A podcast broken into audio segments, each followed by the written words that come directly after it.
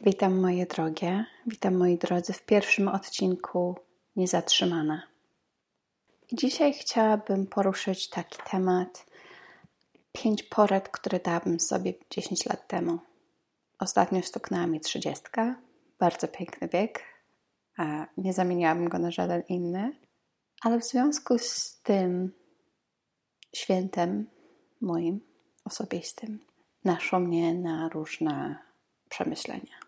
I pomyślałam sobie, czy gdybym mogła cofnąć się 10 lat do tyłu i dać sobie 5 porad, co by to było? Porada numer jeden. Powiedziałabym sobie, nie bój się zmian. Przez ostatnie lata zrozumiałam, że jedyną stałą w naszym życiu jest zmiana. Wszystko się zmienia. Nasze ciało się zmienia, nasze postrzeganie świata się zmienia, zmienia się natura dookoła, zmieniają się pory roku, wszystko się zmienia. I to jest rzecz jak najbardziej naturalna. Ale my mamy w sobie coś takiego, że chcemy czuć się bezpiecznie, że chcemy czu czuć się stabilnie. Lubimy być w takiej sferze komfortu, kiedy wszystko, co jest dookoła, jest nam znane i w pewien sposób rozumiane. I zachęcam Was do takiego wypychania się poza swoją strefę komfortu, próbowania nowych rzeczy, patrzenia na różne rzeczy z ciekawością, nie przejmowania się zbytnio, co sobie inni ludzie pomyślą, jeżeli ja teraz spróbuję nowej, nowego hobby, czy spróbuję czegokolwiek nowego. Po prostu spróbuj. Porada numer dwa. Zbieraj ciekawość zamiast strachu i osądów. I to jest kontynuacja tej porady numer jeden. I co to oznacza? Chciałabym powiedzieć troszkę o strachu. Ja nie chcę powiedzieć i nie mówię w żaden sposób, że strach jest rzeczą złą. Strach jest nam bardzo potrzebny w życiu i był zawsze potrzebny do przetrwania. Jest dobrze, jest rzeczą dobrą bać się, wsiąść do samochodu z obcym facetem. Jedyną, jedynymi osobami, które poznałam, które mogłoby się wydawać, że nie czują strachu, to byli psychopaci albo socjopaci. To są tacy ludzie, kiedy patrzysz im w oczy i wydaje się, że jakby tam czegoś brakowało. Jakiegoś elementu, takiego elementu współczucia i współodczuwania strachu. Jest dobrze. To jest, to jest dobry znak, że ty się boisz. Tylko cały pit polega na tym, żeby się bać, ale mimo to coś zrobić, jeżeli ty chcesz osiągnąć jakiś cel, musisz się wypychać poza tą swoją strefę komfortu. I w takich codziennych sytuacjach, kiedy masz przed sobą różne mniejsze i większe decyzje, żeby wybierać tą ciekawość zamiast strachu i osądów. Mówiąc o osądach, mówię o zarówno osądzaniu samego siebie i osądzaniu innych ludzi. Trzecia porada, bardzo ważna, kochaj siebie najpierw. Przez ostatnie lata odkryłam, żeby mieć zdrowy związek z kimś innym z zewnątrz, trzeba najpierw mieć zdrowy związek z samym sobą. Jeżeli czujesz, że masz coś po prostu do przerobienia, a większość z nas ma coś do przerobienia, nikt z nas nie miał jakiegoś idealnego dzieciństwa, nie o to chodzi, ale po prostu, jeżeli czujesz, że masz coś do przerobienia, że musisz nad czymś popracować, to po prostu pójdź do, po pomoc, zwróć się do kogoś po pomoc, o wsparcie i przerób to, co masz przerobić. I pracuj nad kochaniem siebie najpierw. Nie w taki narcystyczny sposób i egoistyczny sposób, ale w taki zdrowy sposób. Bo jeżeli my mamy zdrowy, zdrową relację z samym sobą, to łatwiej będzie nam wyznaczać granice. I łatwiej będzie nam widzieć, gdzie jest granica po prostu, kiedy później w związku ktoś coś zrobi, a my będziemy albo akceptować, albo powiemy stop. Nie będę się godzić na takie zachowanie. Skochaj siebie najpierw i pracuj nad tą swoją relacją z samą sobą. Porada numer cztery. Powiedziałabym samej sobie, żyj w zgodzie z własnymi wartościami. Każdy z nas ma inne wartości w życiu, każdy z nas ma inne priorytety i nie ma w tym nic złego. Nasi rodzice mają najprawdopodobniej inne priorytety, inne wartości w życiu. Nasze rodzeństwo, mimo to, że się wychowaliśmy pod tym samym dachem w bardzo podobnych okolicznościach, każdy z nas ma inne, inne potrzeby. I nasze serce się cieszy przy innych wydarzeniach, że tak powiem. Ciągnie nas do czegoś innego. Ja zawsze chciałam mieć rodzinę czułam potrzebę posiadania własnej rodziny. Zawsze kochałam dzieci. A moja siostra z kolei w bardzo podobnym wieku bardzo kocha podróże i, i inne rzeczy. Oczywiście łączą, łączy nas wiele, wiele cech, ale jakby priorytety mamy gdzieś inne i, i to nie chodzi o to, żeby mówić, że coś jest lepsze, coś jest gorsze. Że nagle wszyscy powinni żyć tak jak ja albo tak jak moja siostra. O to chodzi, żeby każdy miał odwagę podążać za swoimi wartościami i za swoimi priorytetami. I to jest właśnie piękne, jeżeli mamy odwagę podążać za tym. Czasami jest tak, że my chcemy po prostu zadowolić mamusię, tatusia, babcię, dziadka, ciocię, wujka. I oni nam kształtują po prostu jakąś wizję naszej przyszłości, która się opiera na ich własnych wartościach i na ich własnych priorytetach.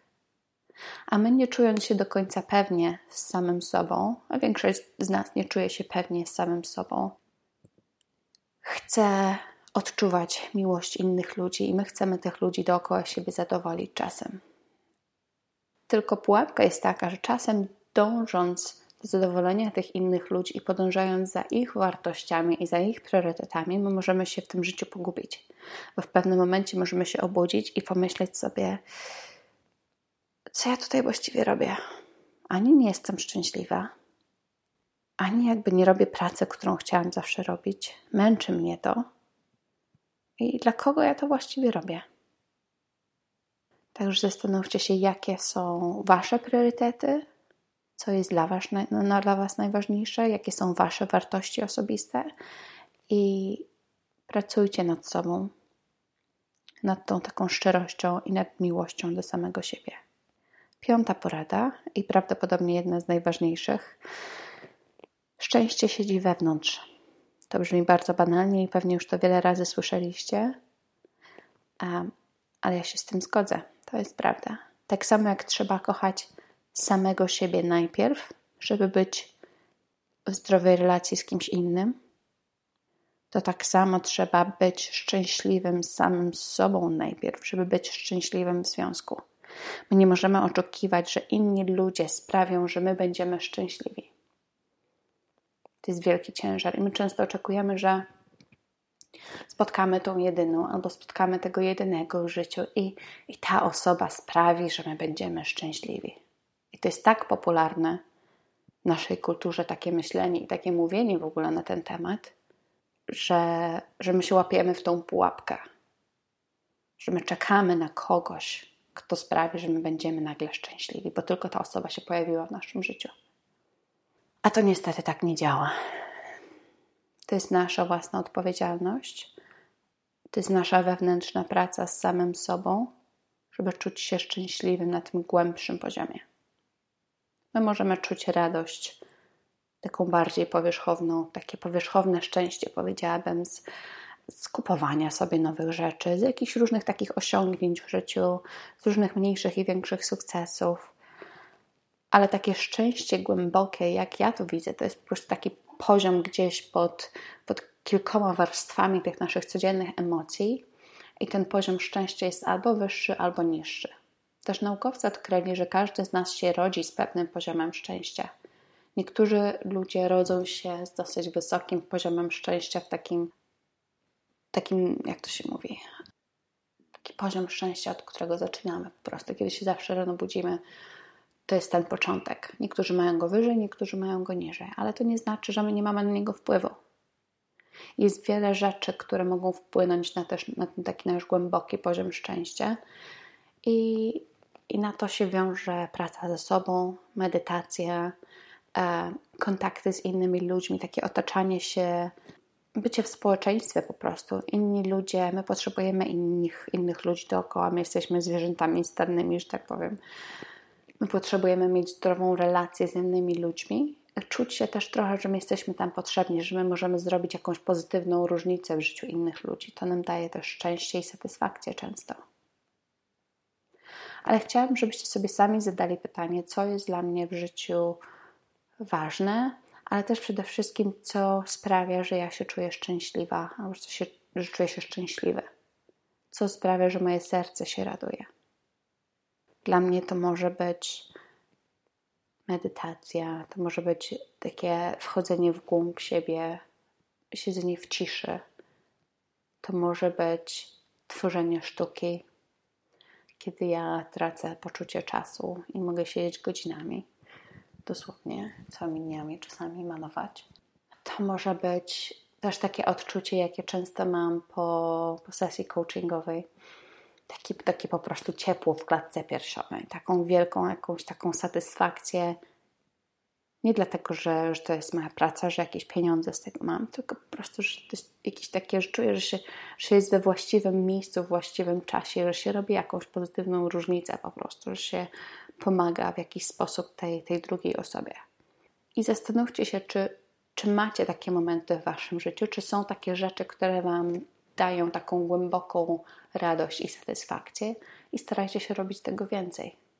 Proste, dosyć banalne, ale taka jest prawda. I proszę Was, nie oczekujcie, że ta druga osoba, ktokolwiek to jest, czy dziecko, czy, czy partner, czy mąż, czy żona, że ta druga osoba ma odpowiedzialność za Wasze szczęście. To jest błędne myślenie i to jest wielki ciężar, i z tego nic dobrego nie wyniknie.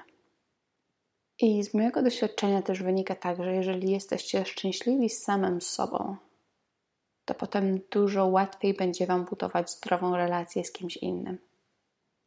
Idealnie było, żeby ta osoba też miała zdrową relację z samym sobą i była szczęśliwa, nieważne czy jest singlem, czy czy jest w związku. Bo wtedy ta radość związku będzie jakby dodana. Taka wisienka na torcie. Chciałabym Was poprosić o podzielenie się tym odcinkiem z Waszymi przyjaciółmi bliskimi, jeżeli czujecie, że któraś z tych treści e, była cenna. Dziękuję Wam za słuchanie tych moich wypocin w pierwszym odcinku. Będę publikować co tydzień. Zachęcam Was też do odwiedzenia mojej strony internetowej dominikastoppa.com stoppa przez 2p i do być może śledzenia mnie na Instagramie. Dziękuję bardzo za Wasz czas i pozdrawiam serdecznie. Do usłyszenia.